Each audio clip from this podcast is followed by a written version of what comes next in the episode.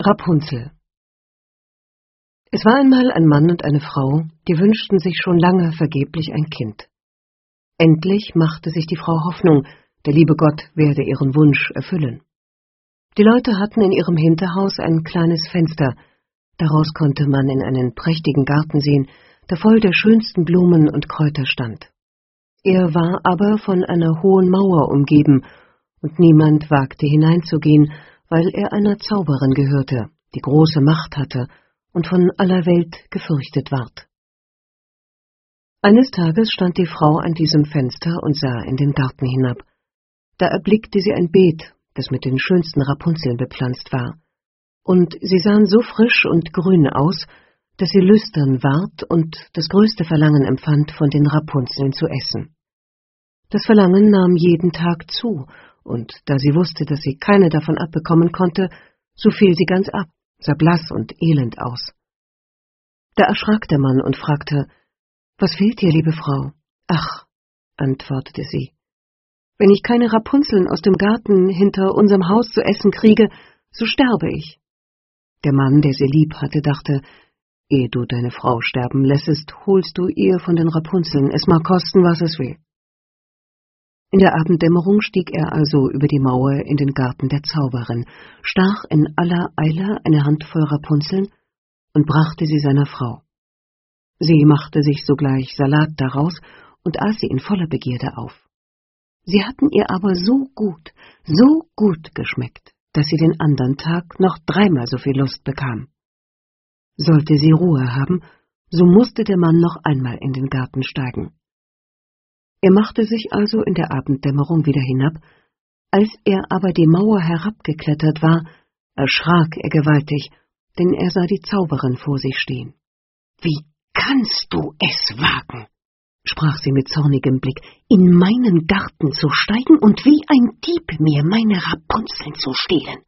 Das soll dir schlecht bekommen. Ach, antwortete er, lasst Gnade für Recht ergehen, ich habe mich nur aus Not dazu entschlossen. Meine Frau hat eure Rapunzeln aus dem Fenster erblickt und empfindet ein so großes Gelüsten, dass sie sterben würde, wenn sie nicht davon zu essen bekäme. Da ließ die Zauberin in ihrem Zorne nach und sprach zu ihm Verhält es sich so, wie du sagst, so will ich dir gestatten, Rapunzeln mitzunehmen, so viel du willst, allein. Ich mache eine Bedingung, du musst mir das Kind geben, das deine Frau zur Welt bringen wird. Es soll ihm gut gehen, und ich will für es sorgen wie eine Mutter. Der Mann sagte in der Angst alles zu, und als die Frau in Wochen kam, so erschien sogleich die Zauberin, gab dem Kinde den Namen Rapunzel und nahm es mit sich fort.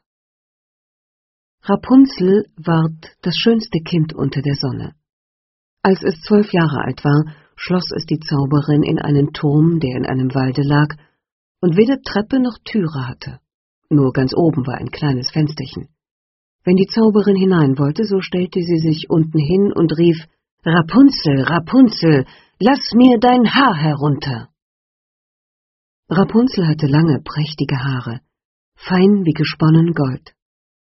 Wenn sie nun die Stimme der Zauberin vernahm, so band sie ihre Zöpfe los, wickelte sie oben um einen Fensterhaken, und dann fielen die Haare zwanzig Ellen tief herunter, und die Zauberin stieg daran hinauf.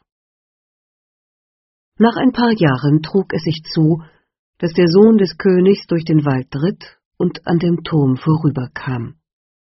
Da hörte er einen Gesang, der war so lieblich, dass er still hielt und horchte.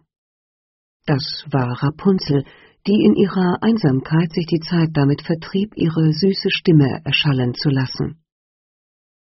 Der Königssohn wollte zu ihr hinaufsteigen und suchte nach einer Türe des Turms, aber es war keine zu finden. Er ritt heim, doch der Gesang hatte ihm so sehr das Herz gerührt, dass er jeden Tag hinaus in den Wald ging und zuhörte. Als er einmal so hinter einem Baum stand, sah er, dass eine Zauberin herankam und hörte, wie sie hinaufrief Rapunzel, Rapunzel, lass dein Haar herunter. Da ließ Rapunzel die Haarflechten herab, und die Zauberin stieg zu ihr hinauf. Ist das die Leiter, auf welche man hinaufkommt, so will ich auch einmal mein Glück versuchen. Und den folgenden Tag, als es anfing dunkel zu werden, ging er zu dem Turme und rief Rapunzel, Rapunzel, lass dein Haar herunter. Alsbald fielen die Haare herab, und der Königssohn stieg hinauf. Anfangs erschrak Rapunzel gewaltig, als ein Mann zu ihr hereinkam, wie ihre Augen noch nie einen erblickt hatten, doch der Königssohn fing an, ganz freundlich mit ihr zu reden und erzählte ihr, dass von ihrem Gesang sein Herz so sehr sei bewegt worden, dass es ihm keine Ruhe gelassen und er sie selbst habe sehen müssen. Da verlor Rapunzel ihre Angst, und als er sie fragte, ob sie ihn zum Manne nehmen wollte, und sie sah, dass er jung und schön war, so dachte sie, der wird mich lieber haben als die alte Frau Gotel, und sagte ja und legte ihre Hand in seine Hand. Sie sprach, ich will gerne mit dir gehen, aber ich weiß nicht, wie ich herabkommen kann. Wenn du kommst, so bringe jedes Mal einen Strang Seide mit, daraus will ich eine Leiter flechten, und wenn die fertig ist, so steige ich herunter, und du nimmst mich auf dein Pferd. Sie verabredeten, dass er bis dahin aller Abend zu ihr kommen sollte, denn bei Tag kam die Alte. Die Zauberin merkte auch nichts davon, bis einmal Rapunzel anfing und zu ihr sagte, Sag sie mir doch, Frau Gotel, wie kommt es nur, sie wird mir viel schwerer heraufzuziehen als der junge Königssohn, der ist in einem Augenblick bei mir. Ach, du gottloses Kind, rief die Zauberin, was muss ich von dir hören? Ich dachte, ich hätte dich von aller Welt geschieden und du hast mich doch betrogen. In ihrem Zorne packte sie die schönen Haare der Rapunzel, schlug sie ein paar Mal um ihre linke Hand, griff eine Schere mit der rechten und ritsch, ratsch, waren sie abgeschnitten. Und die schönen Flechten lagen auf der Erde. Und sie war so unbarmherzig, dass sie die arme Rapunzel in eine Wüstenei brachte, wo sie in großem Jammer und Elend leben musste. Denselben Tag aber, wo sie Rapunzel verstoßen hatte, machte abends die Zauberin die abgeschnittenen Flechten oben am Fensterhaken fest, und als der Königssohn kam und rief Rapunzel, Rapunzel, lass dein Haar herunter, so ließ sie die Haare hinab. Der Königssohn stieg hinauf, aber er fand oben nicht seine liebste Rapunzel, sondern die Zauberin, die ihn mit bösen und giftigen Blicken ansah. Aha, rief sie höhnisch. Du willst die Frau Liebste holen, aber der schöne Vogel sitzt nicht mehr im Nest und singt nicht mehr. Die Katze hat ihn geholt und wird dir auch noch die Augen auskratzen. Für dich ist Rapunzel verloren, du wirst sie nie wieder erblicken. Der Königssohn geriet außer sich vor Schmerzen, und in der Verzweiflung sprang er den Turm herab. Das Leben brachte er davon, aber die Dornen, in die er fiel, zerstachen ihm die Augen.